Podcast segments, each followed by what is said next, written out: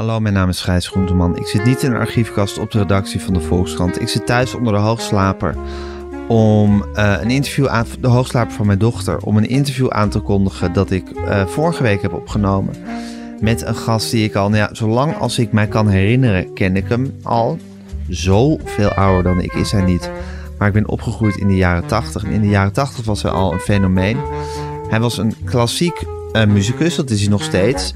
En hij was ja, een wonderlijk figuurtje, een heel Amsterdams jongetje dat op uh, bizar jonge leeftijd, 19 was hij, al concertmeester uh, van het Concertgebouworkest werd. Dus dan ben je eigenlijk de eerste violist en ook de soort van leider van het orkest. En dat was fenomenaal. Daarmee uh, kwam hij op televisie en hij werd geïnterviewd. En hij was altijd aanwezig. En nou, zo was hij dat jaren en jaren lang in het Concertgebouworkest. Hij was ook als solist heel succesvol. En van het ene op het andere moment was hij violist af en werd hij dirigent, mijn gast. En in dat dirigeren was hij uh, succesvol. Eerst op Nederlands regionaal niveau. Orkest van het Oosten, het uh, residentieorkest, het, het, het, het Radio Philharmonisch Orkest was hij chef-dirigent van. En langzaam maar zeker uh, werd zijn scope, noem je dat, zijn, zijn werkgebied alsmaar internationaler. En eindigde hij, dat is hij nu nog steeds, niet lang meer, maar hij is het nog wel, als uh, chef-dirigent van de New York Philharmonic, een van de beroemdste orkesten ter wereld. Het is een ongelooflijk succesvolle muzikus, een waanzinnige dirigent. Ik ben een enorme fan van hem. Als je een concert van hem bezoekt dat hij dirigeert, dan is het alsof hij de zaal en het orkest elektrificeert. Zo ervaar ik dat. Goed, ik ben een leek. Het is domme taal, maar zo ervaar ik dat. Er is nu een boek over hem geschreven door zijn vriend Peter van Ingen over hem. Het boek heet Dit is Jaap. Het beschrijft minutieus zijn uh, jeugd, hoe hij door zijn vader opgevoed werd als violist, zijn eigen fanatisme, zijn carrière, zijn, zijn liefde, zijn vaderschap. Alles komt erin voor. En ik ga met hem praten. Ik nam dit interview op in Antwerpen, in de Philharmonie al daar, vlak voordat uh, mijn gast, uh, de zesde van Mahler, een geliefd stuk van mij, van mijn lievelingscomponist, ging dirigeren. Zeer van genoten, maar nog meer van dat interview. Luister naar dat gesprek, opgenomen in Antwerpen, pal voordat hij een concert ging dirigeren, met de enige echte Jaap van Zweden.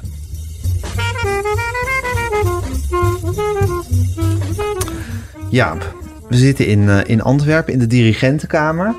Ik ben wel eens in de dirigentenkamer van het concertgebouw geweest. Dat heeft iets meer grandeur dan deze. Ja. Toch? Deze zaal is wel heel goed verbouwd. Ja. Want het was een, de Elisabethzaal, zoals die hier heet, is een zaal die uh, enorm verwaarloosd was. En ze hebben hem voor een heel bescheiden bedrag heel goed verbouwd. Oké. Okay. En daar ben ik eigenlijk heel blij mee. Omdat het was altijd zo van, ja, oké, okay, uh, fijn orkest, maar die zaal. En nu is die zaal gewoon, het is geen... Uh, Heb jij je bemoeid, was je, was je betrokken bij het orkest toen die verbouwing er was? Nee. Nee, oké. Okay. Nee, ik was hier helemaal niet bij betrokken. Nee, oké. Maar ja, dit is een beetje, waar je nu zit, is een soort van kantoorruimte gewoon. Ja, ja en nou hier, ja. hier moet jij je op, hier houd jij je op voordat als je, als je hier dirigeert, hier hou je je op voordat het, het, het, uh, het concert begint. Ja. ja. Wat zijn dat voor momenten voor jou voordat een concert begint?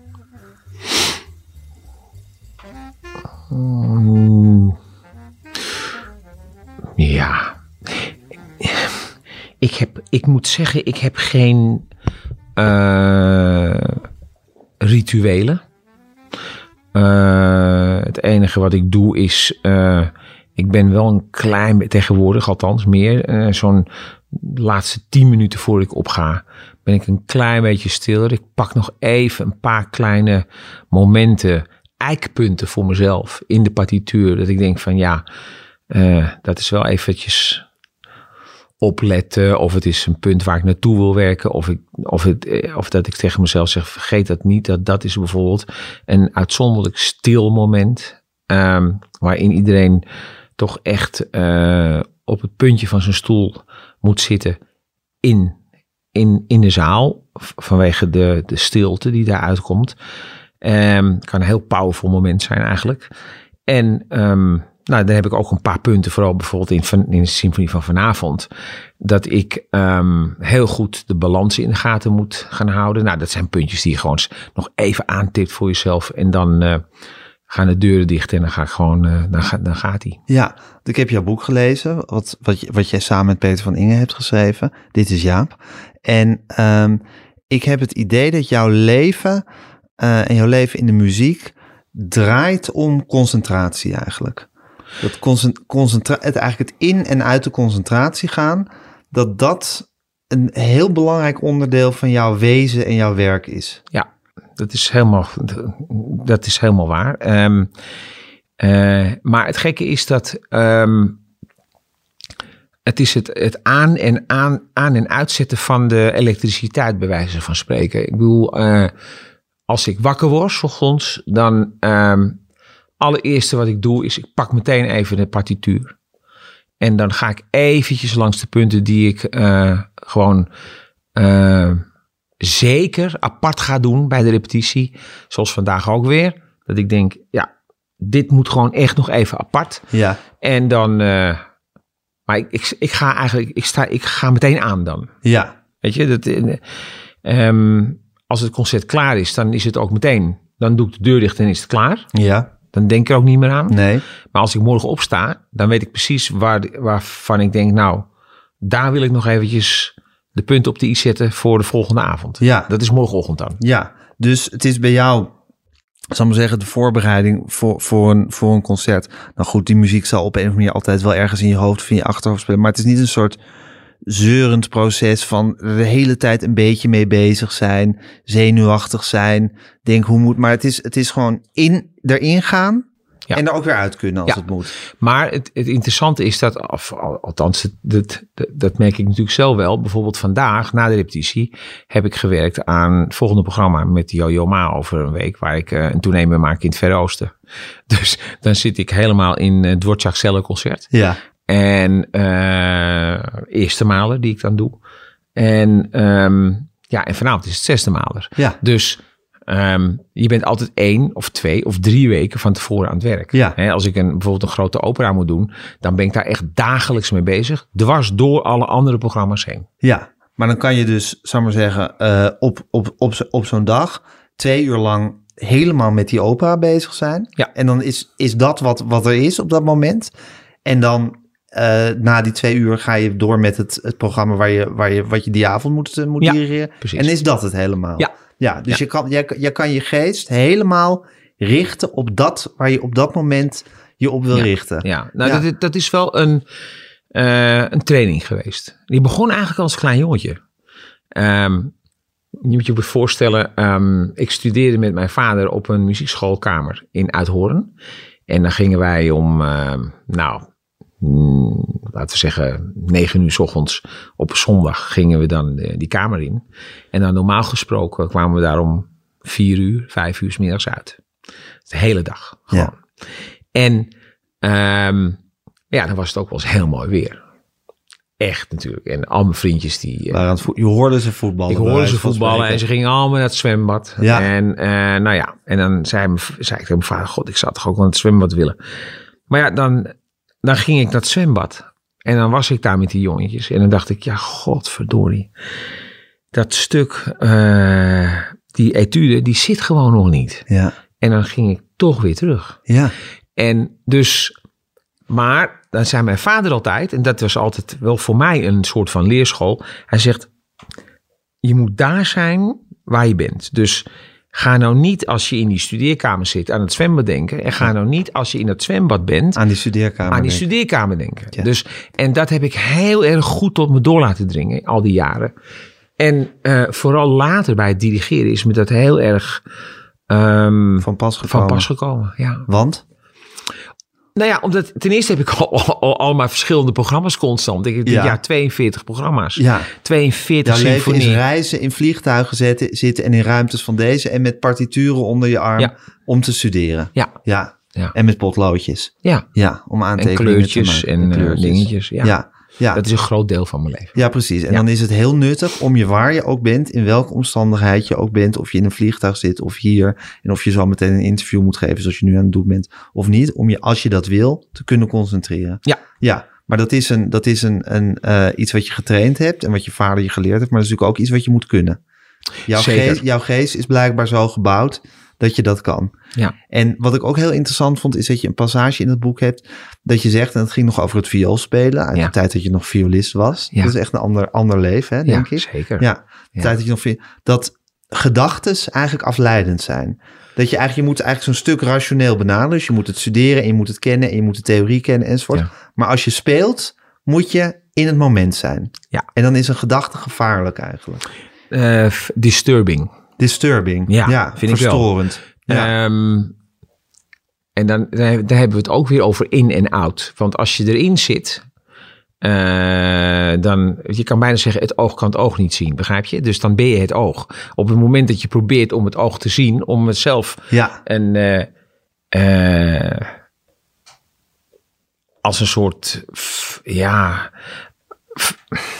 zal ik dat nou goed zeggen? Want het is best moeilijk om dat te zien, maar als, een soort eh, iemand die, die, die, die je schade slaat. Ja. Dus dat, dat- heb ik wel eens gehad natuurlijk, dat ik dacht van, god, Waar ben ik mee sta, bezig? Er, ik, sta er, ik sta erbij en ik kijk ernaar en ik luister ernaar. Ja. En dan op een gegeven moment dan schrik je je te pletten. Want dan denk je, oh god, ik, ik ben wel bezig, weet je wel. Ja. Dus dat is heel erg...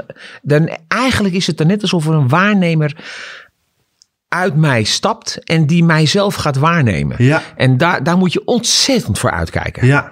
Ehm, en hoe kan je daarvoor uitkijken? Het is ook een techniek om niet af te dwalen. Maar gewoon... En hoe bereik je dat? Door constant mee te zingen. Want als je van binnen zingt, Ja. kan je niet afdwalen. Nee. Als je te veel gaat, alleen maar gaat luisteren, Ja. Eh, dan word je op een gegeven moment, kan je een waarnemer worden die eigenlijk zeg maar er buiten gaat staan. Ja. En dat is bloedlink. Want dan kan je derailleren, dan kan je Ja, ontsporen. precies. Ja, ja. En zolang je meezingt, Ja. dwing je jezelf eigenlijk om Ja. er, ermee, want dan laat je je lichaam mee. Ja, Of je, je innerlijk laat je eigenlijk meegaan met je lichaam ja dan. je trilt gewoon mee. Dat is Ja. helemaal geen probleem dan. ja, En ehm, dan, dan kan je ook echt zeggen dat je erin zit. ja, En eh, ja, dan, dan is bijvoorbeeld een concert, gek genoeg, bijvoorbeeld, een, eh, ik kan me een, ehm, een, eh, een grote Wagner ehm, herinneren in Amsterdam bij de matinee. Dat ik dacht dat het gewoon tien minuten had geduurd. En het was gewoon een, eh, een, een meesterzingen van vijf uur. Ja, dat, dat gebeurt je. ja. Ja, dan is tij- tijd wordt dan ook ineens iets heel Staat anders. helemaal stil. Ja. ja. Is, dat, is het geluk? Is het, is het, is het een, is het een, het is natuurlijk iets heel spectaculairs ook om zo, Ja. zo in het moment te kunnen zijn. Ja, nou, ik denk dat ehm, het, het stijgt gek genoeg, misschien dat ik dat zo zeg, maar ik denk dat het boven geluk uitstijgt. Ik denk dat het eens zijn met iets, eh, en wat het ook is, hè, ik bedoel, het maakt helemaal niet uit. De Nee. muziek is natuurlijk wel heel ehm, fysiek ook prettig om dat mee te maken natuurlijk, maar als je dat bent, dan ben je niet, je bent dus niet gelukkig en je bent ook niet ongelukkig, Nee. Maar je bent. Ja, Dat is natuurlijk een heel erg ja, raar fenomeen. ja. Ehm, ja, meer kan ik er niet over zeggen. Nee, dat snap ik. Maar in het Nee. moment zijn, wat dit toch eigenlijk is, hè, helemaal, helemaal één worden met het moment. Dat is iets wat weet ik veel boeddhisten of zo. Dat, dat is Ja. toch iets, iets hoogs om te bereiken.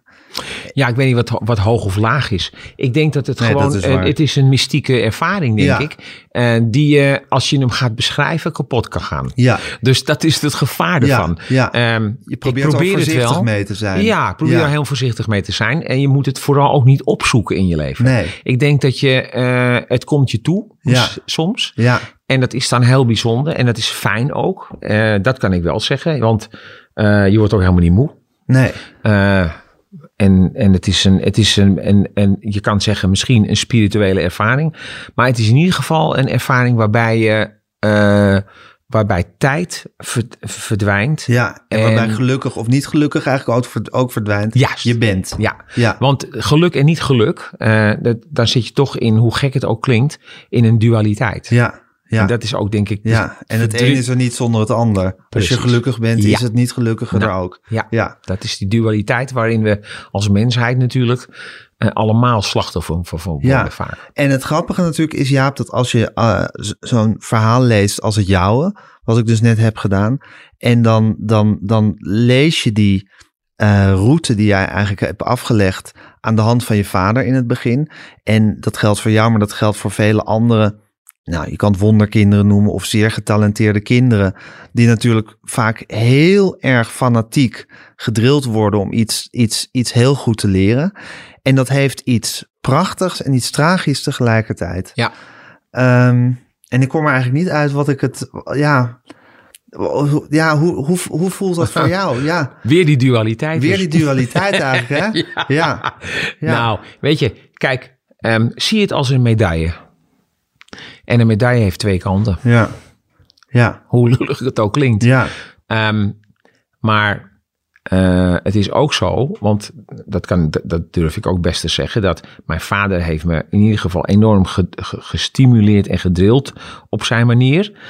Maar als ik een vioolconcert speelde en hij zei, nou het is mooi geweest voor vandaag om vier uur, dan zei ik ook wel eens tegen hem, nee, ik wil echt nog eventjes een uurtje of twee door, want ik ik vind dat we er nog niet zijn.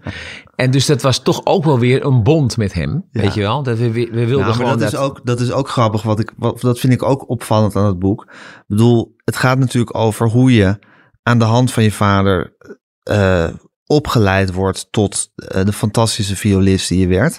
En uh, later, daar zullen we het misschien nog over hebben, ook je best hebt moeten doen, bijvoorbeeld door dirigent te worden, om daarvan los te komen, om die blik van je vader los. En tegelijkertijd, als ik dat boek lees, denk ik, jij bent gewoon nog zelf een tandje erger inderdaad dan je vader. op een gegeven moment heb je het over die stalen zenuwen, een fantastische zin. Dan zeg je van, uh, soms moet je stalen zenuwen hebben en je kan veel van mijn vader zeggen, ik parafraseer nu een beetje, maar stalen zenuwen heeft hij niet. Nee. En je voelt aan jou dat jij die stalen zenuwen wel hebt. Dus jij bent in zekere zin ook nog harder dan je vader.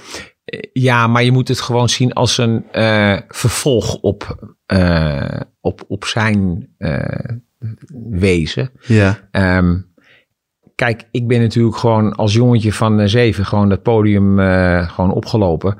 En ik, heb, en ik heb me daar altijd ontzettend thuis gevoeld. Als je je ergens thuis voelt, Uh, ik voel me bij wijze van spreken minder thuis in een kamer hier met jou dan als ik het podium oploop. Het podium is een veilige plek voor jou. Dat is voor mij een veilige plek. Ja. En uh, dan kan je dan zeggen van nou ja, uh, dat komt dat ik stalen zenuw heb, maar dat is niet helemaal waar. Uh, ik heb een, een, een, opera van Schoenberg gedaan, Er war toen. En toen was ineens de zangeres de tekst kwijt. En toen moest ik die teksten gaan, gaan staan. Ja, en toen voelde ik echt een fysieke, een fysieke reactie. Dat mijn, echt mijn benen begonnen te trillen, mijn knieën begonnen te trillen. Ja. Het was wel weer heel fantastisch, omdat de volgende avond um, um, kwam ik op. En voordat ze begint te zingen, beginnen die, die benen alweer te trillen van me. Dus ik dacht ineens, wat interessant eigenlijk. Uh, um, de zenuwen krijgen of nervositeit is eigenlijk niks meer of minder dan een herinnering. Het is een fysieke herinnering aan iets wat je meemaakt. Ja. Want dat heb ik meegemaakt, want ik heb dat nooit. Ja. De, deze, deze fysieke reactie. Maar het grappige is, ja, want dit voorbeeld staat ook in je boek. Dit is, dit is blijkbaar iets wat in jouw geheugen gegrift staat. Ja. Maar dit zijn eigenlijk de zenuwen van een ander die je toen hebt overgenomen. Ja. Dus zal maar zeggen, je Aanname. meest, je, meest, je meest paniekerige moment is omdat je in charge bent van iets en je ziet dat iemand anders het kwijt is. Ja. En dat is misschien enger voor je dan dat je ooit ja, zelf... goed. ja, Ja, maar dat is heel interessant. ja, Heel interessant. Want het is dus een aanname. ja. hey, en Jaap, nu eh, vanavond ga ik je eh Maler 16 dirigeren. Ja. Kijk zeer naar uit. Hier in Antwerpen, ik heb je aan het begin van de week al Beethoven, Vijfde van Beethoven en het prachtige vioolconcert van Benjamin Britten zien eh, dirigeren met Simone Lamsma als, als solist en de Wiener Philharmoniker notabene al- als orkest. Beethoven en Mahler, wat, wat, wat zijn zij voor jou? Ik noem nu gewoon Beethoven en Mahler, omdat Ja, dat maar- toevallig twee componisten zijn. Ja. Maar wat zijn, wat zijn die mensen voor jou in jouw leven?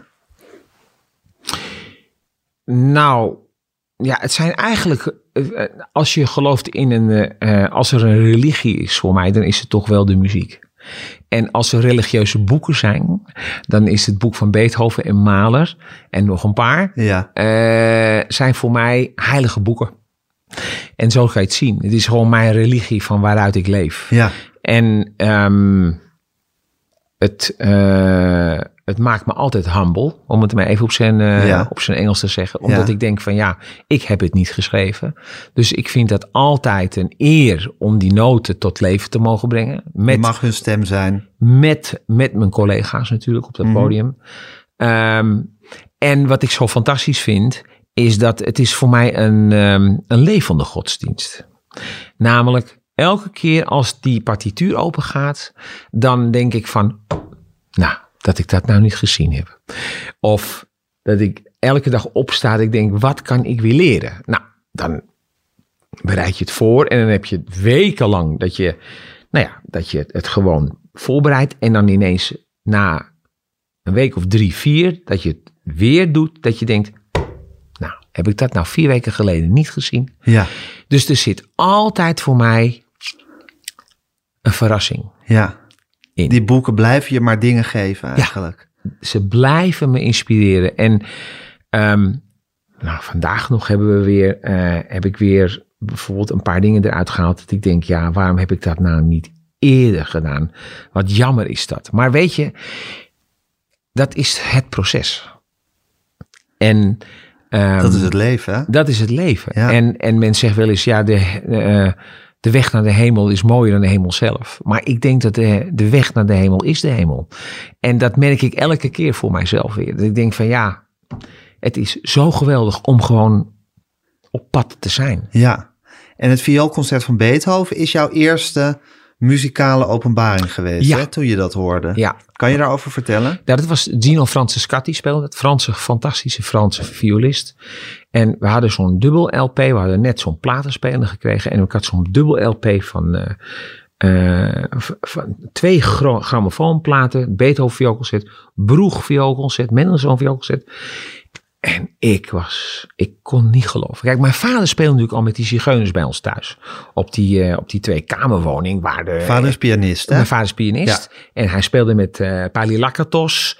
En eh, ja, hij, ehm, eh, hij repeteerde dus bij ons thuis ook veel. Ja. En ehm, nou, die jongens die kwamen bij ons en er werd er gestudeerd. En, en ja, ik hield toch heel erg veel van dat instrument meteen, van die viool. Ja. Maar toen die langspeelplaat werd gespeeld eh, van het vioolconcert van Beethoven, toen hoorde ik natuurlijk een hele andere muziek dan eh, de Xardas van Monti, bij wijze van spreken. Ja. Dat is natuurlijk een hele andere.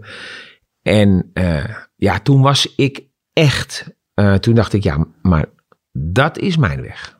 En toen was je zeven? Of Zeven. Zeven. Ja. En ja, wat, wat, wat is dat dan dat een jongetje van zeven zo, zo bij de hand wordt genomen door, door dat muziekstuk? Ja, Dat is het raadsel. dat is absoluut het raadsel. Dat is, je, eh, dat, je zou kunnen zeggen dat is karma of wat het ook is.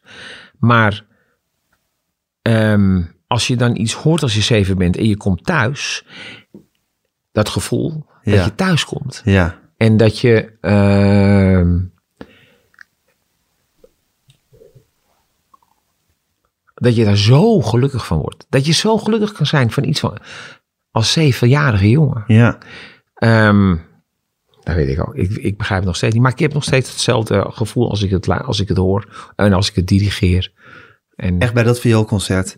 Dat is iets. Dat bij vele andere stukken ook. Ja, maar, tuurlijk, Maar, maar dit, dit- maar dit, dit dit, viool, ja, dat, is een, dat, is een, dat is iets heel Ja. Speciaals voor Ja. je. absoluut. En zal dat, zal dat komen omdat het op dat moment in jouw leven je pad heeft gekruist? Of is er iets in dat stuk wat, eh, wat magisch is voor jou? Nee, ik denk dat het moment het was. Ja, ja. Ja. Omdat, je dat, Ja. omdat je er toen ontvankelijk voor was Ja. en het zich toen aan je geopenbaard heeft. Precies. Ja. Ja. Ja. En daardoor is het gewoon jouw grondsteen of zo, ik weet niet Ja. hoe je dat noemt, maar jouw, jouw beginpunt geweest. Beginpunt geweest, Ja. absoluut. Dat zeg je perfect. Ja, Het beginpunt dat, dat, ik, dat, ik, dat ik echt als de bliksem getroffen werd door dat stuk. ja, ja. En heb je, heb jij gedachten over, ja, uiteraard heb je gedachten over Beethoven, maar voel jij een, voel jij, ik zit te denken aan Yvonne Fischer die ik over Mahler eh, interviewde, Ja. vertelde ik je net, en die zei van ja, Mahler begrijpen, dat is voor mij, ja, dat, dat, dat, dat, hoeft, niet- dat hoeft niet eens, want als ik hem dirigeer, dan voel ik hem gewoon overal in de... Alsof hij, alsof hij naast me staat of achter me staat. Ja, dat begrijp ik heel goed. En waarom is dat zo? Omdat Mahler, sp- ehm, Mahler neemt je mee. Hè, kijk, ehm, als, je, als je twee schilderijen zou zien. En de ene is Mahler en de andere is Broekner. Dan, en je- je zou daar in een museum lopen. Ja, En je zou die twee schilderijen naast elkaar zien. ja. dan, ehm, dan is Broekner een schilderij waar je eh, die, die, die, die, die schildert een tafereel met de, met de bedoeling dat je daar op afstand naar kijkt. Mahler schildert een tafereel die pakt je bij je strot en die trekt je het schilderij in. En je wordt deelgenoot van dat schilderij. Ja, Dat wil Broekner helemaal niet. nee. Maar Mahler wel. Ja, Dat is een rollercoaster van alles wat het leven te bieden heeft. Maar gek genoeg hou ik ook ontzettend veel van Broekner. Soms denk ik wel eens, Mahler was looking for God en Broekner found him. ja, En dat is heel vreemd, omdat ehm, ja, Mahler blijft voor mij althans, of het, het leven van Mahler speelt zich enorm af in de emotionele sferen. En eigenlijk eh, het aardse leven. En wat ik daarmee bedoel is dit. Als je denkt aan Mahler en je denkt aan drie dingen die voor hem heel belangrijk zijn. De fascinatie voor ehm, eh, eh, optochten van ehm, kapellen Ja. en van... van, van altijd die marsjes en die, Die muziek die die weer voorbij komt. Precies, Vaak met- in de verte, buiten de- de, zaal gespeeld. Precies. Ehm, en maar zeker ook het militaristische Ja. daarin. Eh, dan denk je aan het koperblazers. Ja? Eh, trompetten, horens en, eh, en het koper, de trombone enzovoort. De, ehm, de houtblazers dus vaak over de natuur. Heel vaak. Heel vaak heeft hij het over de natuur. En dan komen de strijkers. En dat is allemaal Mahler. En dat is Zijn Zijn- liefde, zijn muze. zijn liefde, Zijn zijn muze, onmogelijke. zijn onmogelijke, zijn, zijn, eh, en zijn grote verdriet ook natuurlijk. Ik denk ook dat het heel dicht komt bij, eh, zeg maar toch ook later, dat is na nog de zesde symfonie, want daarna overlijdt zijn, eh, zijn dochtertje. Ja, ehm, dus als je, als je dat zo ziet, dan denk je al, dan heb je al een enorme, laten we zeggen, roadmap Ja, van Mahler. ja. En dan weet hij nog eens een keer alles te combineren. En dan, ja, dus je hebt de, de, de, de marsen en de fanfare-achtige muziek. Hè? Ja. Hoort ook heel erg bij zijn jeugd. ja, Zijn vader had een, eh, had een herberg. Ja. Eh, en dan de natuur waar hij zo bezeten van was. Ja. Hij componeerde natuurlijk in dat kleine huisje Ja. te midden van eh, het natuurgeweld. ja, En die liefde, die, die eeuwig, dat eeuwige zoeken naar, de, naar de grote liefde. En dat heeft hij echt per sectie heeft hij dat verdeeld. heeft die hij het verdeeld. En als je dus de partituur ziet, dan zie je gewoon, dan is dat een, gewoon een soort navigatiemap voor een dirigent. Ja, Dus als Ivan Fischer zegt van, ja, als ik hem dirigeer, dan voel ik hem naast voel ik me. hem naast me staan. Ja, Dan begrijp ik dat heel goed. Ja. Want die navigatie, er is bijna geen componist die zo'n navigatiekaart Nee. bij zijn muziek geeft aan, Nee. aan ons. nee. Hè, want een van de leuke dingen vind ik dat de laatste 10 jaar, 15 jaar, en vooral in New York heb ik zo ontzettend veel met moderne componisten gewerkt, nieuwe componisten.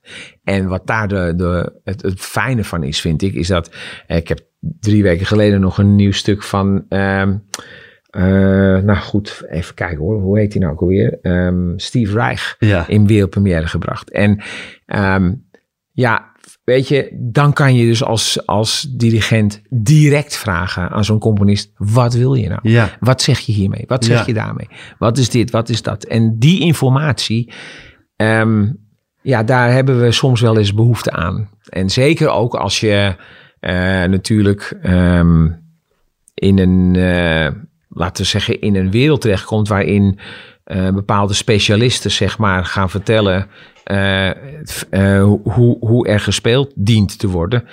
En ehm, ja, dan, dan denk ik van god, ik zou, ik zou, het, zou het zo graag eens van de componist zelf weten. Ja. En dat is de, de lol eigenlijk van, eh, van met, met componisten werken die gewoon nu Leven. dit moment leven en ja, je gewoon schrijven. vragen. Ja, ja. Mahler was op zich ook niet zuinig in zijn aantekeningen, in zijn, eh, in zijn partituren. precies. Tot en met aan hoe de instrumenten vastgehouden moesten. Of in, wel, hoe ze, hoe, in welke Ja. hoek ze Nou gehouden ja, hij, schrijft ook van v- hoor ons hè, Ja, eh, omhoog, eh, omlaag. het hout moet, dat zou je vanavond ook wel zien. Hè? Er zijn echt momenten dat ik, dat werk ik ook, probeer ik ook allemaal waanzinnig uit te werken. Want het visuele aspect bij zijn muziek is toch ook wel degelijk aanwezig, vind ik. ja, ja. En, eh, maar dan heb je eigenlijk ook het gevoel, want als je nu Mahler en Broekner zo beschrijft.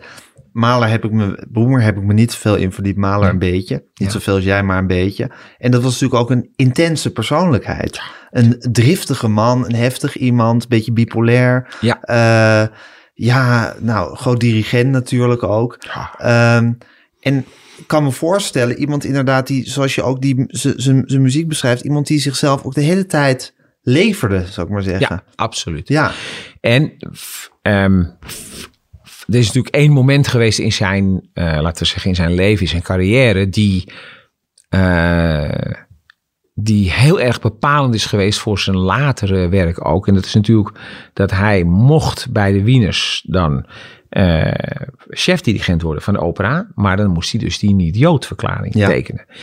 En daar heeft, dat heeft hij gedaan. En daar heeft hij een onwaarschijnlijke schuldgevoel over gekregen. En vanuit dat schuldgevoel, denk ik, heeft hij de meest onvoorstelbare dingen eh, gecomponeerd.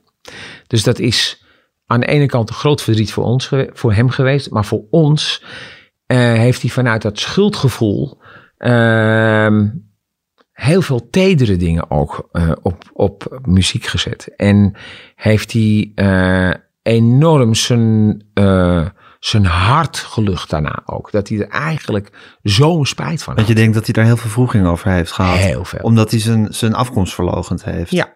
Ja. Door katholiek te worden. Ja, Ja, ja. Ja. En je voelt die vroeging in die muziek zit. Je voelt dat het een bijna een, een soort, alsof je door het stof gaat. Ja, en dat heb je helemaal bij zijn, eh, bij zijn songs. Ja, want? Ja, ja dat, dat vind ik vaak nog eh, dieper gaan dan zijn symfonieën bijna. Omdat, ehm, kijk, welke symfonieën zijn nou de symfonieën die heel erg, zeg maar, keihard in je hart binnenkomen? Dat zijn de symfonieën waar toch de menselijke stem een rol speelt. Tweede symfonie, eh, derde symfonie, vierde symfonie met de, nou en dan later natuurlijk ook, ehm, waarin hij de, die, ehm, die Woenderhorns songs, zeg Ja. maar, componeert, die, dat zijn eigenlijk bijna miniatuurtjes van zijn leven. Mhm. En die, die, die vind ik het meest, eh, ja, Ja, ja, als de stem erbij is, dan voel, je, dan voel jij hem het, meest. ja, Ja, dan vind ik hem het meest, dan vind ik hem eigenlijk het geniaalst. ja, Als ik heel eerlijk ben. ja. Ja, Ja, dan raakt hij jou het meest. voor, ja mij wel. Ja, Ja. ja. hey, en ehm, dat is toch fantastisch, hè? Dat je zo'n, maar dat is natuurlijk dat, dat, dat bij de religieuze ervan, dat je zo eigenlijk, en zeker die eerste van Mahler, van Mahler speelt natuurlijk ook een belangrijk, is een soort, soort grappige rode draad in je, in je carrière. Ja, Ehm, maar dat je zo, dat, dat, dat je zo'n persoonlijkheid van iemand die er niet meer is, hè, die ontstoffelijkt is, zo in je opneemt eigenlijk in de loop der jaren. Dat, is, dat heeft natuurlijk iets heel spiritueels. Ja, ehm, je moet natuurlijk wel ontzettend uit gaan kijken dat je niet denkt dat je malen bent. Hè, Nee. dat dan, en dan, eh, maar ik vind wel dat wat voor mij heel belangrijk is, is dat ehm, eh, in zijn wereld stappen en er weer uitstappen. Dat zijn twee fantastische momenten. Oh ja, ook weer in en uit. Ja, Ja, in en uit. ja, Want eh, je moet ontzettend oppassen dat je niet van Beethoven malen maakt. En je moet, en andersom niet.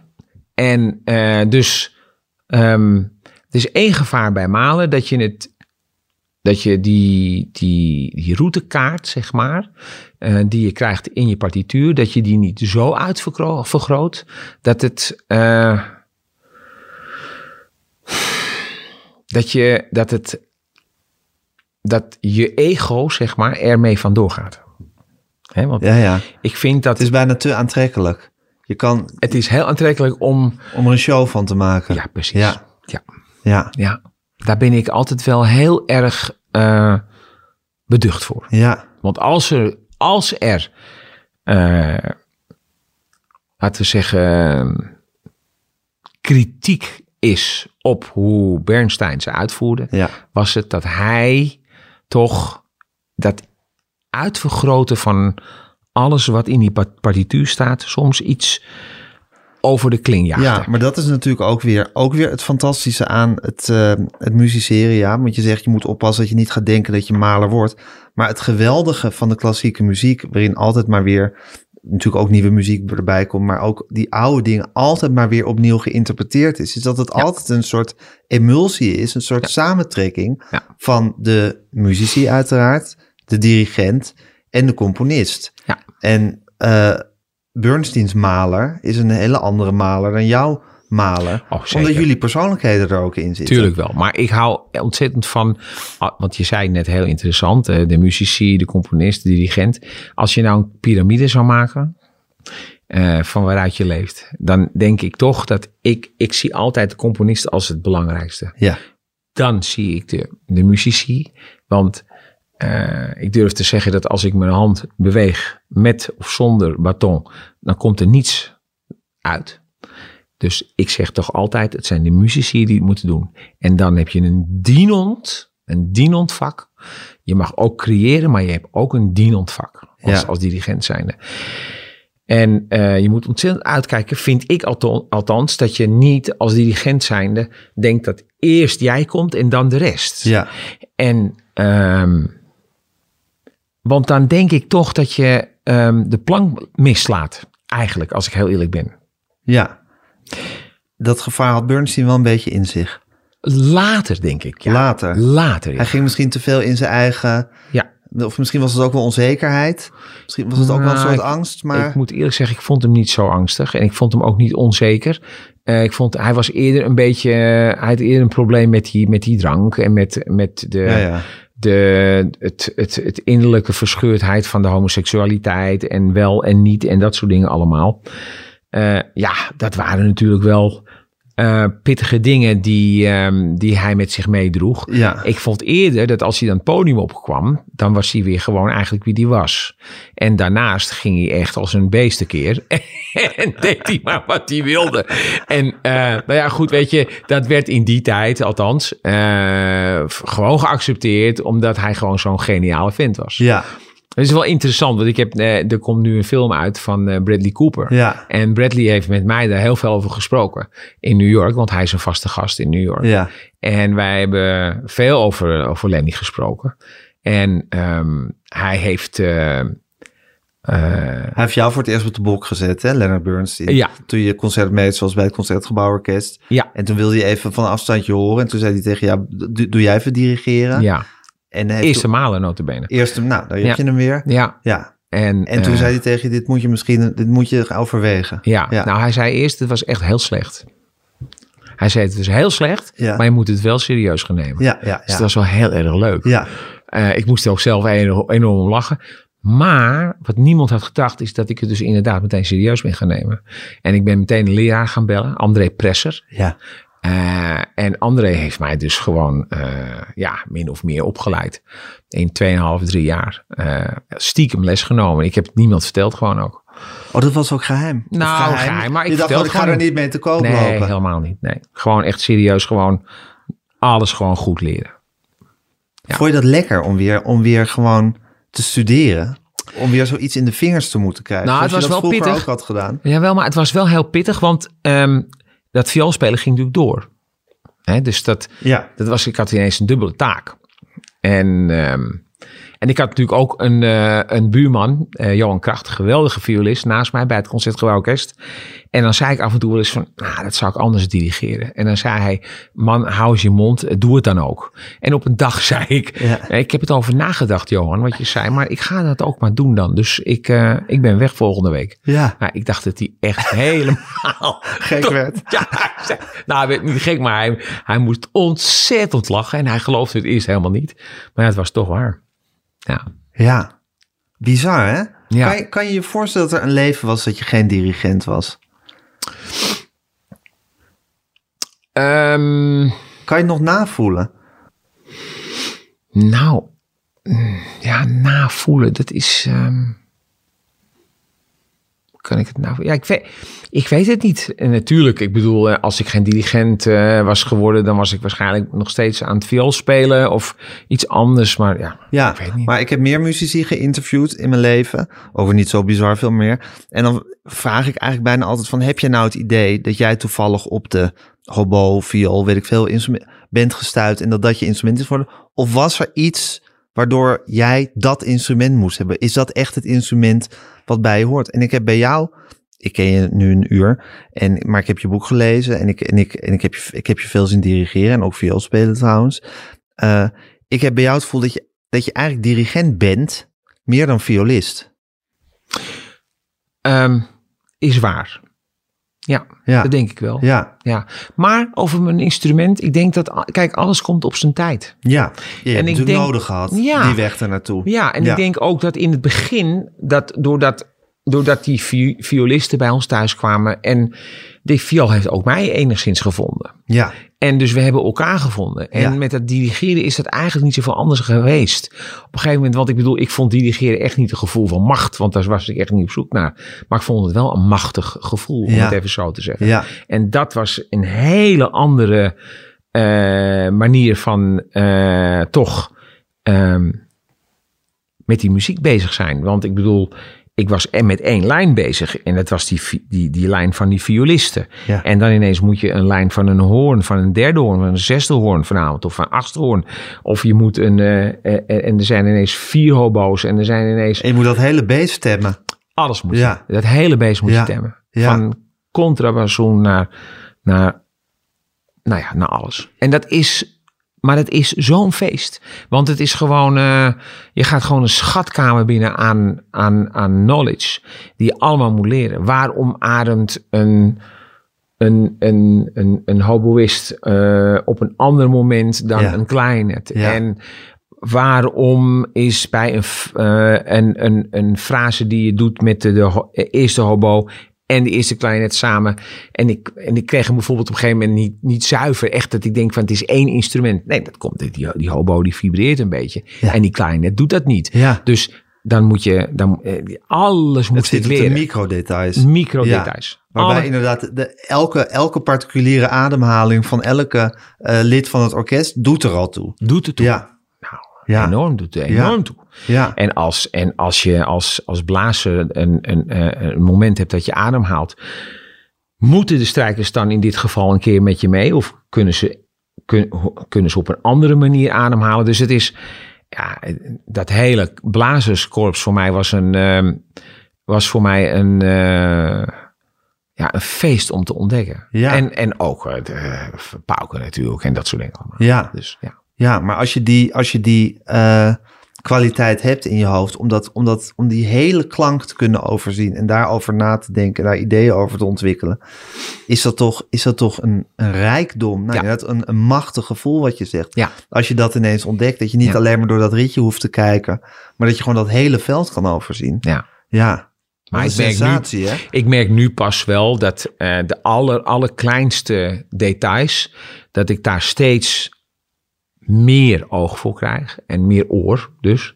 Eh, en dat ik het ook steeds leuker vind om Begin het nu- helemaal uit te werken. Begin je nu echt goed te worden? Misschien wel, ja. Ja, heb je het gevoel dat je nu, dat je iets... Ik heb wel het idee dat eh, ook corona misschien en eh, eventjes even afstand nemen en er weer terug ademen. in gaan ja, en ademen. in en uit. Dat, dat heeft mij toch wel weer verrijkt, ja. Ja. ja. Wat is dat toch met jou in New York geweest? Met dat orkest? Wat is dat? Is dat... Dat, nou, dat is een. Kijk, ik, ik kwam er natuurlijk al vanaf 2015. Ja, Dus ik ben daar heel veel geweest voor ik al chef-dirigent werd. ja, En ehm, ik heb altijd gemerkt dat, dat dat is een fantastisch orkest. En dat is een waanzinnig orkest. Maar ze raken heel snel altijd op iemand uitgekeken. En dan, dat is één. En daar kwam nog een keertje de corona bij. En toen dacht ik van ja, als ik nu te lang hier blijf hangen, dan ga ik bij hun straks komen en dan denken ze, oh, heb je hem weer? En dat is met heel veel chef-dirigenten gebeurd. Oh ja? En het is ook nog eens een keer zo Die dat relatie kan heel, ineens heel makkelijk bederven. Heel makkelijk. Heel makkelijk. En toen dacht ik, ik ben altijd, overal fantastisch weggegaan. En ik ben altijd ook fantastisch teruggekomen. En ik heb altijd die relaties gehouden. Ja, En natuurlijk met dit orkest ook doen. ja, Nou, het blijkt wel dat ik ben dus nu nog een jaar daar chef. En eh, ik ga drie weken per jaar blijven komen daar. Eh, ik krijg een eigen serie van ze nu. En het orkest vindt het vreselijk dat ik wegga. zei hij stralend. Ja, Ja, nou, Ja. is dat niet heerlijk? Dat is Want de vorige wil. chef-dirigent, die is weggegaan eh, acht jaar geleden. Willen ze niet terug hebben. ja. Ja, dus dat vind je heerlijk. Maar dat vind ik belangrijk. Ja, Ik vind het belangrijk om ook om zelf te beslissen van. Hè, want ik, ik, heb nog, ik had nog niemand gehoord die zei van. Het wordt wel tijd dat hij eens een keer opkrast. Voordat de eerste dat zou zeggen, wil je weg zijn. wil ik weg zijn. Ja, ja. Ja. Ja, want ja, dat, dat is grappig. dat zit zo in me ook. Ja, maar dat is ook, Jaap, dat heeft te maken, denk ik, met, eh, dat was ook in de aanloop naar dit, naar dit eh, interview, toen ik dat regelde met, eh, met Annemieke, de hele aardige persdame van, van je uitgever. Ehm, het gaat bij jou om geen seconde tijdverspilling. Je wil super efficiënt zijn en eh, dingen moeten, moeten, moeten, moeten goed en handig gepland zijn. En dat zie ik ook in je, in je boek. Je bent gewoon, je bent gewoon een efficiëntiemeester. Het, moet bij jou, het gaat bij jou om vooruitgang en het gaat om geen tijd verdoen. En ik kan me inderdaad voorstellen dat als jij bij een orkest zit en ja, de klad zit er een beetje in of het is, Ja. de magie is weg. Ja, ik denk dat jij dat gewoon niet verdraagt. Nee. Dat je denkt, ja, wat staan we hier nu onze tijd te verdoen Ja. eh, zonder dat er nog vuur is. Nee. Dan moet je door. Ja, Ja, precies. ja, En het is ook leuk om dan toch een, een, een warme relatie te houden daarna. Dat het altijd moet altijd. Ik vind als je het podium oploopt, dan moet het toch altijd een, een event zijn. ja. Voor, voor, de, Ja. voor, de, voor de mensen in het publiek, voor de mensen op het podium Ja. en voor mezelf. Ja, en dat is het ook. Als jij die trap afkomt, ik heb nu over het concertgebouw, dan voel je de elektriciteit in die zaal. Tenminste, ik meen hem te voelen. Ja. Dus dat is, dat is, dat, dat, dat wil jij. Nou, dat, dat hoort bij Dat hoort ook. bij jou. Ja, gewoon. Ja. Ik bedoel, er moet wel iets... Ja. Om dan te zeggen van, nou, daar daar gaan we weer. Noemen we eens even nu dit Ja. programma en dat programma. En ja, Ja. Ja, en zo zou je kunnen zeggen dat die, dat die orkesten, die verschillende orkesten, zijn natuurlijk jouw instrumenten nu. Hè? Ik bedoel, zonder dat oneerbiedig te, te, te willen zeggen, maar dat, dat is het instrument waarmee je het moet doen. ja, Ja, en die wil, je wil je gewoon jouw instrumenten in topconditie houden. Ja. Ja. ja. Dus dat moet, dat moet gewoon een blinkende relatie zijn tussen jou en de orkesten. Ja. En dan kan je het hele jaar lol hebben en eh, Nou, dan- goede dan kan ik programma's dirigeren. Ja, en dan kan ik ook eh, het gevoel hebben dat ik eh, iets toevoeg. Ja. En dat je zelf ook iets Precies. leert. Ja, en Ja. dat ik, eh, ik word geïnspireerd. Ik vind het gewoon, ik ben deze week ook weer, ik bedoel, ik ben dwars door, eh, want ik ben niet alleen in Amsterdam geweest met die Wieners, maar ik, ben, ik heb ook een paar concerten in Wenen gedaan. En gewoon op en neer gevlogen hier om eh, alvast hier te repeteren. Ja. En dan was ik echt wel eens 's ochtends dat ik denk, god allemachtige. Kan ik niet vragen of iemand anders het even deze dag voor me doet? Maar dat doe ik toch niet. En dan ga ik toch hier naartoe. En dan, en dan na een kwartier, jongen, dan, dan spatten het er vanaf. En denk van ja, kijk, daarvoor doe ik het gewoon. Ja. En het is gewoon heerlijk om dat dan weer te doen. Ja. Wat een leven heb je. Je hebt nog een, lang leven voor je, hoop ik. Maar wat een leven heb je ook nu al gehad, hè, Jaap? Ja, het is wel. Het, het is natuurlijk een heel. Laten we heel eerlijk zijn. Het is wel heel raar om op je 37ste gewoon een, een enorme, eh, fantastische carrière als violist. Gewoon die, die, die eh vioolkist gewoon dicht te doen. Ja. En hem nooit meer open te doen. Je hebt geen. eh, Heb je echt nooit. Je houdt nooit meer een viool vast. Nee, nou, vanmorgen nog even heb ik verteld op wat voor manier ik wil dat ze strijken. Ja, dus dat heb ik, precies. heb ik even laten zien. Ja, Dus- even iets technisch voordoen. Ja. Dat, dat, Ja. Ja. dat gaat nog. ja, dat Ja. gaat heel goed nog. Maar je gaat nooit weer even thuis een etude zitten spelen of wat dan ook. Nee, nee. Helemaal geen behoefte aan. Ik denk ook dat als ik van de ene dag op de andere dag stop met dirigeren, eh, eh, net zo. Ja, grappig. Er was, Ivonie maakte zo'n soort heel, een hele leuke soort documentaire serie over jou. Die heb ik met heel veel plezier bekeken. Ja. En dan ben je steeds na zo'n, na zo'n avond word je met allemaal icepacks, eh, ik weet niet of dat nog steeds is, Doe ik ingepakt- altijd nog, ja. ingepakt om, om, om je lichaam weer te Ja. laten herstellen. Ja, En toen zei je ook van, nou ja, op een dag dan gaat het niet meer, dan is het afgelopen. Nou, is het ook weer klaar. ja. Totaal soort, ja, helemaal niet van, oh god, hoe moet dat nou verder of zo. Nee.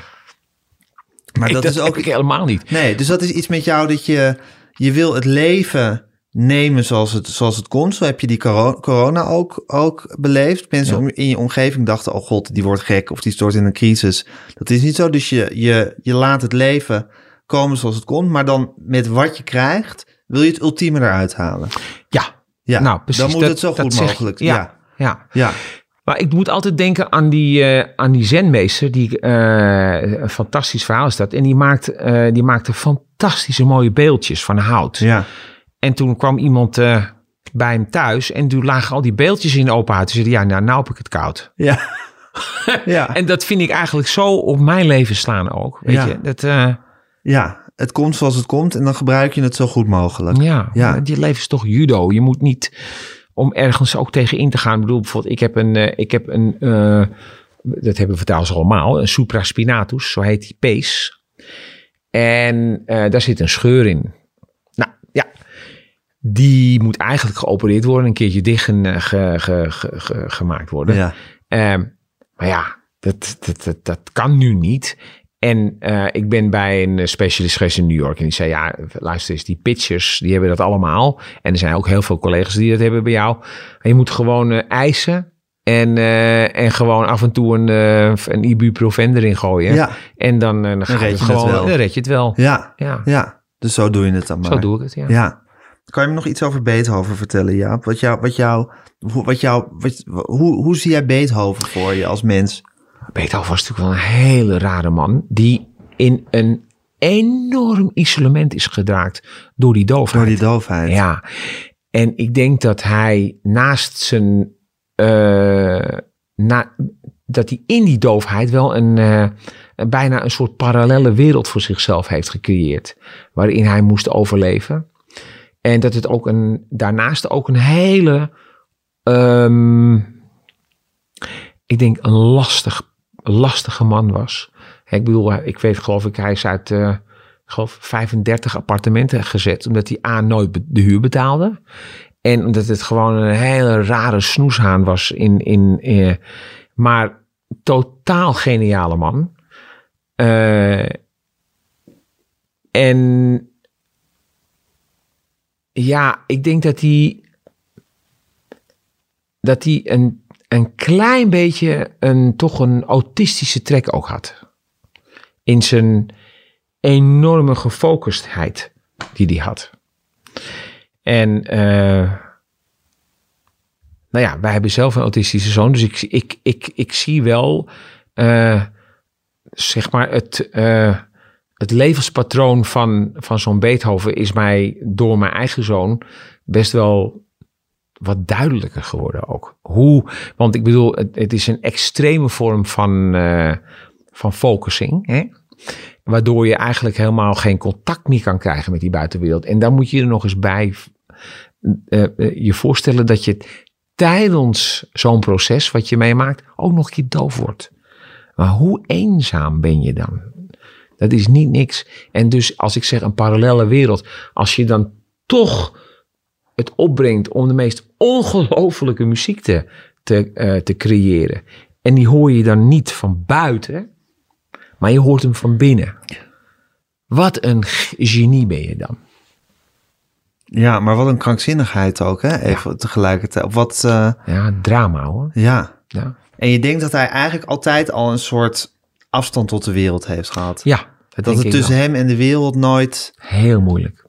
Kijk, anders maak je niet overal de hele dag door ruzie. En word je, word je uit, uit 35 eh, eh, woningen gezet door En hoor, je dat ook in die, hoor jij dat ook in die muziek? Is het een soort furie die erin zit? Of een soort... Nou, er zijn een paar, er zijn een paar symfonieën waarbij ik denk van... ehm, eh, totaal geniaal, vierde Beethoven opening. Eh, totaal geniaal, vijfde Beethoven. Eh, de natuur die bij hem een enorme rol speelt in die zesde. Eh, en dan in die negende, ja, dat is één schreeuw eigenlijk, vind ik. Van, kan ik hieruit komen? En dat doet hij wel in die muziek, Ja, maar zelf niet natuurlijk. ja. Voel je empathie voor hem? Ja. Ja. Het is Heel treurig eigenlijk wat die man is overkomen.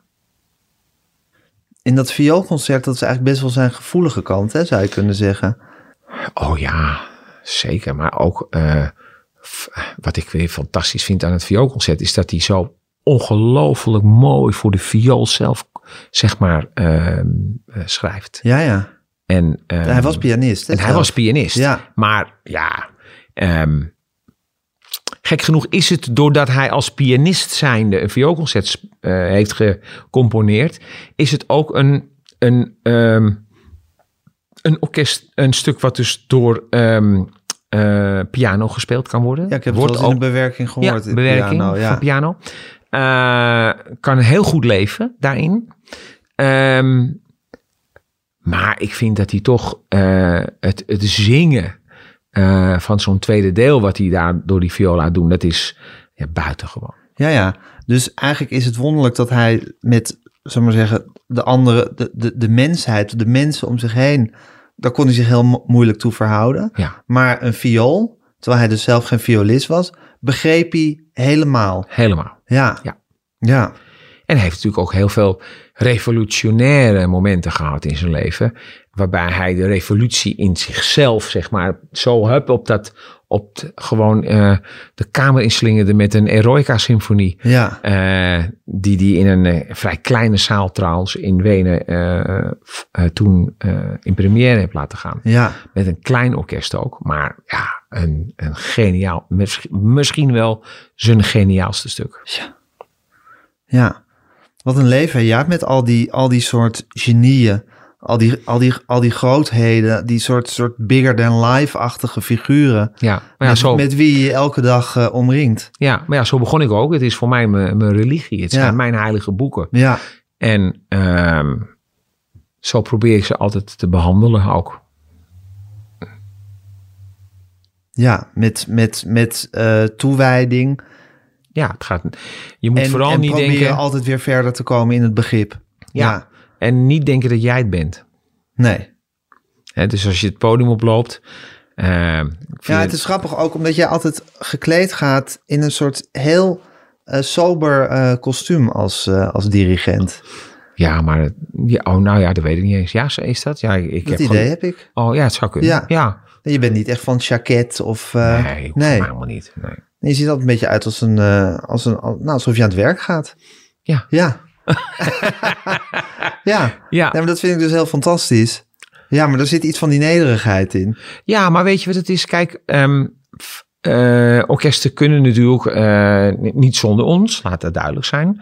Maar je moet niet denken, hè, ik ga terug naar die piramide, Ja, dat, nee, jij, je zit altijd... dat jij het hebt gedaan, Ja. dat jij het hebt geschreven. Ja, En daar moet je ontzettend voor oppassen. En eh, ik vind sowieso nederigheid en met twee benen op de grond blijven staan, is altijd eh, levensreddend. Kijk Ja. nou maar wat er bij Ajax gebeurt. Het is gewoon.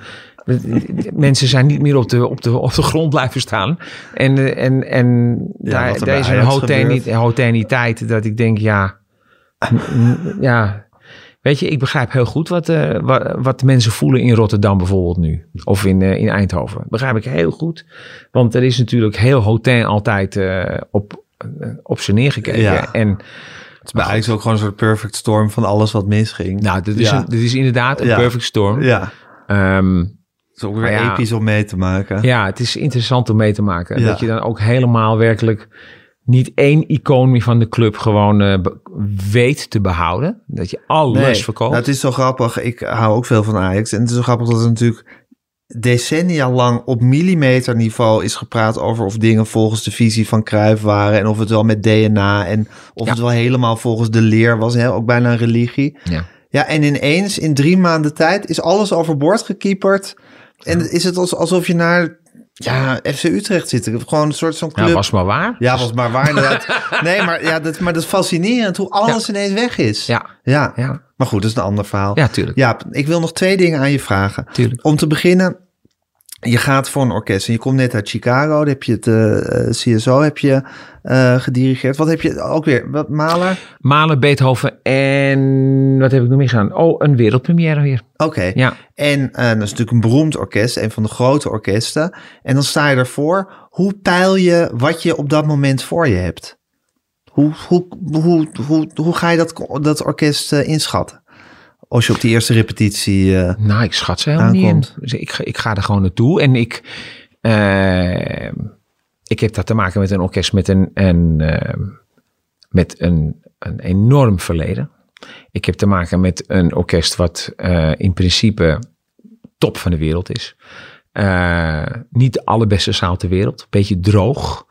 Ehm, maar mensen die in hun leven heel veel hebben gespeeld. Heel veel repertoire kennis hebben. Ehm, en tegelijkertijd denk ik dat ik dan behoorlijk wat meebreng. Omdat ik me zo voorbereid dat ik dat als ik eerst dirigeer ik van A tot Z. Dat doe ik altijd. Ik ga het hele stuk door. En dan gaan we, gaan we terug en dan ga ik beginnen te vertellen. En dan tijdens het repeteren en het spelen merk ik gewoon wat is nou, wat zijn nou dingen die waar zij zich heel erg presenteren als dit is onze klank. En dan komt mijn klank en dan ga ik kijken waar we elkaar in het midden ontmoeten. Maar geef eens, een- als onze, je, je hoort van- wat zou zeggen, de specifieke klankeigenschappen van zo'n orkest zijn. Ja, Ja, ja. ja. Ehm, en dan wordt er bijvoorbeeld, eh, ja, dan kan er bijvoorbeeld eh, iemand komen die zegt van, ja, maar dit is, eh, ik, ik vraag ik bijvoorbeeld deze streek die u doet daar, ehm, is dat eh, traditioneel of is dat eh, nu nieuw voor jullie?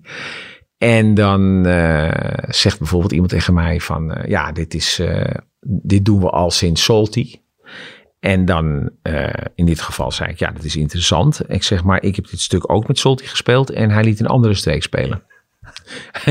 ik zeg, kijk, en het interessante daarvan is, is dat, ehm, wat is traditie? Hè? Traditie is niet iets wat je, wat je, zeg maar, constant moet herhalen.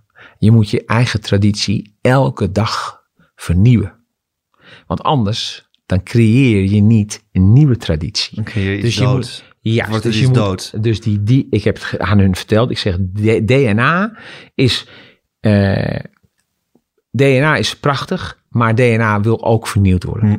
Want anders dan is de oude DNA is niets meer waard. Nee. Ja, dus en nou, dat vonden ze ontzettend leuk. En ik heb een paar nieuwe, paar nieuwe dingen bij ze geïntroduceerd, een paar nieuwe streken, waardoor er ook een, een iets andere eh, energie in het orkest kwam. Eh, ik heb iets veranderd aan de klank van de strijkers. Ik vond dat de klank iets te veel aan de voorkant zat. En niet genoeg in het midden van de strijkers. Dus daar heb ik over gesproken. Ja. Ik heb de houtblazers heb ik iets meer.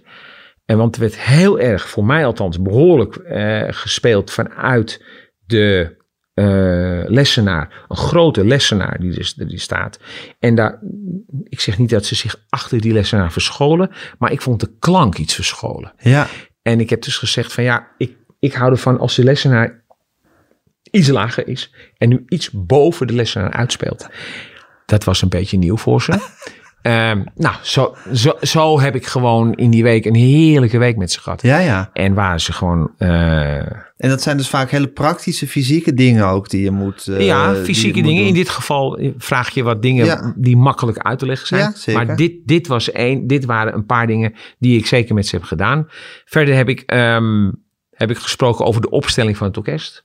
Eh, willen jullie de cellies buiten, binnen? En waarom dan? Ik, wil, ik vraag altijd aan een orkest waarom. Ja, Altijd. ja, Want ik wil weten waarom, waarom ze dingen doen. ja. Eh, want ik vraag mezelf ook elke dag, eh, waarom wil Waarom je eigenlijk je dit, iets? dat zo en niet, en niet zo of ja, zo? Ja. Ehm, Dus zo ga je een beetje zo'n orkest schuiven, Ja. een paar dingen aanpassen. Ja, en zodat dan, het... ja zodat, zodat we een begin hebben. Ja. Laat het zo zeggen, een Ja. begin. En dan, en dan werk ik eigenlijk naar het kleine detail toe. Ja. Dat vind ik het En allerleukste. dan ga je het hele stuk doorspelen Ja. aan het begin. Ja. Helemaal, van begin tot eind. Ja. En dan naar de passages die, er, Ja. die, die jij belangrijk vindt. Ja. Dat is eigenlijk alles hoor. Dan begin ik weer helemaal van vooraan. en dan, Hoe speel je het toch klaar in die paar dagen repetitietijd die je hebt? Die paar ochtenden eigenlijk. ja, Want veel, zo bizar veel is het niet. nee. Moet je heel efficiënt zijn. Je moet efficiënt zijn, maar je moet een klank. Kijk, ik, ik ben heel eerlijk. Ik kom overal binnen met de klank van het concertgebouw. Die zit gewoon in mijn hoofd. Daar ben ik mee opgegroeid. Ik heb daar 18 jaar gezeten. En ik weet gewoon dat ik een surround system, bij wijze van spreken, daar heb gehad. Ja, Hè, die gaat die zaal in en het is een moeilijke zaal om, om samen te spelen. ja. want je Want hoort dat- elkaar slecht hè, op het eh, podium. Ja, wel, de, de- ik, ik toevallig iemand stuurde mij een recensie van NRC en er stond in bij de vijfde Beethoven in het begin was niet alles helemaal perfect samen. Helemaal gelijk. Helemaal gelijk. Ik ken deze recensent niet, maar verdraait goede oren. Verdraait goede oren. En eh, ik, ik dacht, god, die heeft het echt goed gehoord. Nou, bij de herhaling heb ik, ze, heb ik het hele orkest, want ik dirigeerde een beetje soms hier en soms daar. Maar bij de herhaling heb ik het orkest echt vanuit het midden gedirigeerd. Ja. Waardoor, de heel, waardoor iedereen naar het midden ging. Ja, Waardoor die, die baton echt in het midden was en toen was het veel meer samen.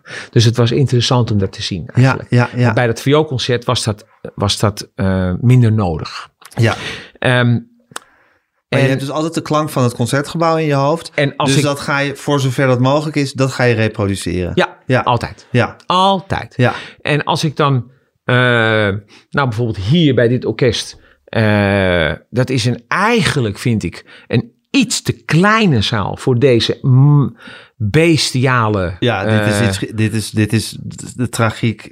Ja, dit, is- want ik bedoel, er komt straks een, een hamerslag. Nou, Ja, echt waar, de, de, het plafond komt er eh, bijna van Ja. naar beneden. Maar, ehm, ook hier hebben we weer een, een, een klankverandering gemaakt. Dit orkest heeft bijvoorbeeld een enorme traditie met barokmuziek. Heel veel met Philip Herrewegen gedaan. Heel veel barok. Heel veel, ehm, laten we zeggen, op een, op een hele andere manier spelen dan waar Made eigenlijk eh, voor staat. ja, Voor een groot deel althans. Dus ik heb veel meer die klank, heb ik veel meer, ehm, laten we zeggen, die, die moest veel meer, ge- de ene noot moest veel meer verbonden worden met de andere noot. In plaats van eh, de ene noot die op Ja. zichzelf staat en dan komt er weer een andere noot en die staat op, op, dat zichzelf. hupserige van Dat- die barok. Ja, dat hupsig van die brok. Wat ik overigens ook, Ook prachtig. Nee, maar dit moet- fantastisch. maar dit moest, dit, dit moest anders. Ja, En ehm, nou, we hebben gewoon die klank gewoon echt in vier dagen echt kunnen veranderen. ja, Dat is ontzettend leuk. ja. En zo ga je week in, week uit. eh, sta je weer voor een orkest Ja. met een partituur. Ja, Met weer een heilig boek voor je neus. ja volgende week met Jojo het Ja, Ja. het is wat. Ehm, dan wil ik nog, dat was nog een andere vraag nog, mijn laatste vraag, Jaap, is, je zei van, er zijn er toch, dan ga ik nu die zesde van Mahler instuderen en dan zijn er toch weer punten dat ik denk van, goh, dat ik dat nooit eerder heb gezien. Ja. Kan je me één, één zo'n moment uit de zesde van Mahler vertellen waarvan je de afgelopen dagen toch weer een soort, waarover je toch weer een soort nieuw inzicht hebt gehad? Nou, eh, heel interessant is, de, bij het eerste deel is een herhaling. En die wordt ingezet door de kleine trom. Ja, En die kleine trom, die heb ik heel vaak, eh, eh, zeg maar, direct in tempo weer teruggepakt. En hij zegt eigenlijk in die hele, in dat terugkomen van dat eerste deel, die herhaling, bouw het rustig dat weer gewoon op. dat mars, dat mars Die van mars- het begin. En dan ineens, en dan, en dan moet het zo exploderen vanuit de bassen Ja. en de celli. En dat heb ik nu veranderd ten opzichte van dat ik dat vorige keer heb gedaan. Oké, dus dat is weer een nieuw, een nieuw accent. Bijvoorbeeld, ja. Ja, ja. ja. Heerlijk. Wat een leven, Jaap. Ja. ja, interessant toch? ja. Hey, en je had het net over de reden dat, dat, dat eh, muziek jouw religie is. En toen zat je aan dat armbandje. Wat, je, om, wat is dat voor een armbandje? Oh, dat is, eh, dat zal ik je zeggen. Ik ben eh, in een klooster geweest in Korea. En ehm, daar waren vrouwelijke monniken. Fantastische dames. En de- ik ben daar geweest met de burgemeester van Seoul. Die nam me mee daar naartoe. En die heeft me daar dat geïntroduceerd. orkest, hè? Ja, Ja. en die heeft me daar geïntroduceerd. En toen heb ik van die dames, een, ehm, van die priesters, heb ik een, eh, dit bandje gehad. En ja, daar ben ik eigenlijk hartstikke blij mee. En ik ga nu, over drie weken ga ik er weer naartoe. En dan krijg ik weer een nieuwe. Oké. Ja, En waarom ben je daar blij mee? ik weet het niet. Het voelt goed. Die ene vrouw, die ene priesteres, die, Ja. eh, die leek enorm op mijn moeder. Dus ik vond dat eigenlijk heel fijn. Ja, En die is al heel lang dood. Dus Ja. die- ik dacht, god, daar heb je, daar heb je daar er. heb je er weer. Ja, Zo zie je in, in iedereen je ouders, hè, af en toe. uiteindelijk Ja. het blijft een eeuwige zoektocht Ja, naar je tuurlijk, ouders. ja. Ja. Nou goed, voor de mensen die nog willen lezen over je vader en de viool en het dirigeren en hoe het dirigeren een stap weg was van je vader, want dat vind ik een prachtige lijn in het boek. Lees je boek, dit is Jaap, wat je samen met Peter van Ingen hebt gemaakt. En ik hoop dat ik je nog heel vaak lekker mag zien dirigeren, want ik vind het altijd een feest om naar je. Ik vind het, ik vind het feest en ik vind het spannend altijd om naar je te kijken en te je. luisteren. Nou, Dus eh, op naar een toekomst. Dank je wel. dankjewel. Jij ook bedankt. Dit was met Groenteman in de kast met Jaap van Zweden. Eh, redactie Fanny van der Rijt en Tamar Bot. Alles netjes in uw oortjes bezorgd door Julia van Alem. Het hele proces overzien door Corine van Duin. U kunt ons mailen. podcasts.volkshand.nl U kunt ons volgen op Instagram, met Groenteman. En geef ons toch vooral lekker veel sterretjes.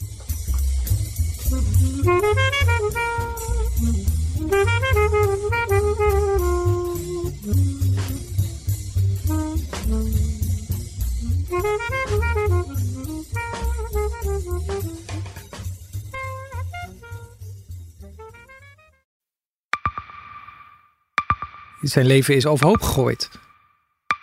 Plus dat heel veel mensen hem niet geloven. Vrienden niet, die, die denken, ja, hij is gewoon gek geworden. Hoe naar moet dat zijn? Als je vertelt over de meest indringende ervaringen uit jouw leven en niemand gelooft dat je het echt hebt meegemaakt. Ja, ik vind zelf niet dat ik het verzonnen heb, maar sommige mensen denken dat wel. Maar hoe kom je erachter of jij je doelwit bent van een geheime dienst? Ik heb ook wel eens meegemaakt dat je het idee hebt dat inlichtingdiensten in je geïnteresseerd zijn. En dan kun je wel heel veel zien, wat er misschien helemaal niet is. Als ik s'avonds nog iets ging eten, dan volgden die mensen mij naar het restaurant. En dan terug van het restaurant naar het hotel. Als zij op een gegeven moment zei, kijk maar uit, want anders word je dadelijk nog wat voert ook. Shit, ik moet hier weg. Dat is, dat is niet goed. Nu word ik gevolgd. Een soort Truman Show is het gewoon. Hè? Alsof dat hele straatbeeld voor jou is ingericht. Maar dan wel met bedoeling jou, jou niet door te laten. Dit kan geen toeval zijn. Een nieuwe podcast van de Volkskrant. Mijn naam is Simone Eleveld en samen met Huid Modderkolk ontrafel ik een bizarre operatie van een geheime dienst. Wat het doel ook is, jij verliest het. Ik werd opgepakt, heel lang ondervraagd. Maar hoe krijg je grip in een wereld die zo onderzichtig is? Als je zou liegen, dan zou je niet de meest relevante informatie twee jaar later tussen neus en lippen doorvertellen. Er zal nooit iemand zeggen, oké Bart, ik geloof je. Nooit, nooit. Dit kan geen toeval zijn. Vanaf 3 oktober bij de Volkskrant. Ik weet niet of ik ook alles kan vertellen. Het is echt te bizar. Wat? Ehm, ja,